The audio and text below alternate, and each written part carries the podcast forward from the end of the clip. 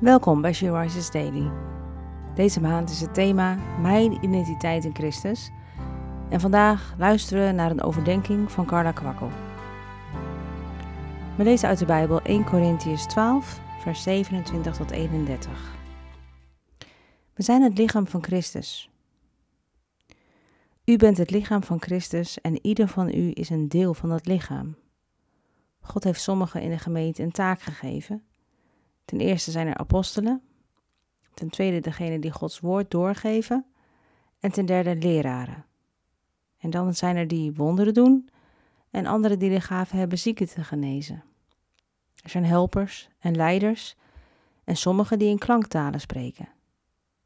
Maar zij zijn toch niet allemaal apostelen en geven toch niet allemaal Gods woord door? Ze zijn toch ook niet allemaal leraren? Doet iedereen soms wonderen?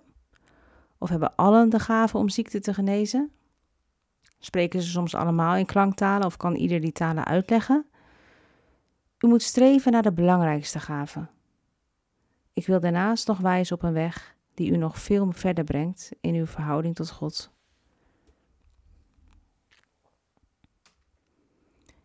Wij die in een westerse maatschappij leven zijn vaak gericht op het individu. En ook gelovigen worden daardoor beïnvloed met alle beste bedoelingen denken we al gauw aan vragen als: wat is Gods plan voor mijn leven? Nu is daar niks mis mee, maar toch moeten we heel goed voor ogen houden dat God bedoeld heeft dat we functioneren als een lichaam. Samen, in eenheid. Nee, we zijn geen nummer. Hij heeft ons allemaal op het oog. Hij kent ons heel persoonlijk. Maar tegelijkertijd noemt hij ons het lichaam van Christus. Samen staan we sterker en Christus is, is het hoofd. Niet één persoon heeft alle wijsheid in pacht. We zijn allemaal verschillend en hebben ook verschillende gaven. Hoe snel gebeurt het niet dat we een ander benijden omdat die ene zus net dat talent heeft, wat jij ook graag zou willen hebben? Maar weet je, zodra we gaan streven naar een gave die niet voor ons is, gaat er iets wringen in het lichaam van Christus. Mag ik dan niet ook dit of dat doen? Waarom zij wel en ik niet? Zulke gedachten komen misschien bovendrijven. God wil dat jij bent wie je bent. Hij wil niet dat jij de ander bent.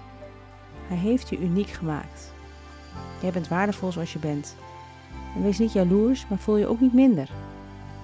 Houd in gedachten dat als wij onze eigen plek innemen, het lichaam goed zal functioneren.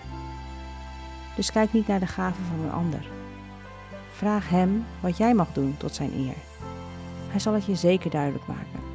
En dan kom je op een plek waar je vrucht mag dragen. Niemand is meer dan een ander. Iedereen is belangrijk. En helemaal als je denkt aan het hoofdstuk wat hierna komt, 1 Corinthians 13. Een weg die ons veel verder voert. De liefde. Laten we als leden van het lichaam van Christus elkaar lief hebben, de ander hoger achten dan onszelf. En dat is soms best een uitdaging maar het is wel de weg die God ons wijst. Je luisterde naar een podcast van She Rises. She Rises is een platform dat vrouwen wil bemoedigen en inspireren in hun relatie met God. We zijn ervan overtuigd dat het Gods verlangen is dat alle vrouwen over de hele wereld Hem leren kennen. Kijk op www.she-rises.nl voor meer informatie.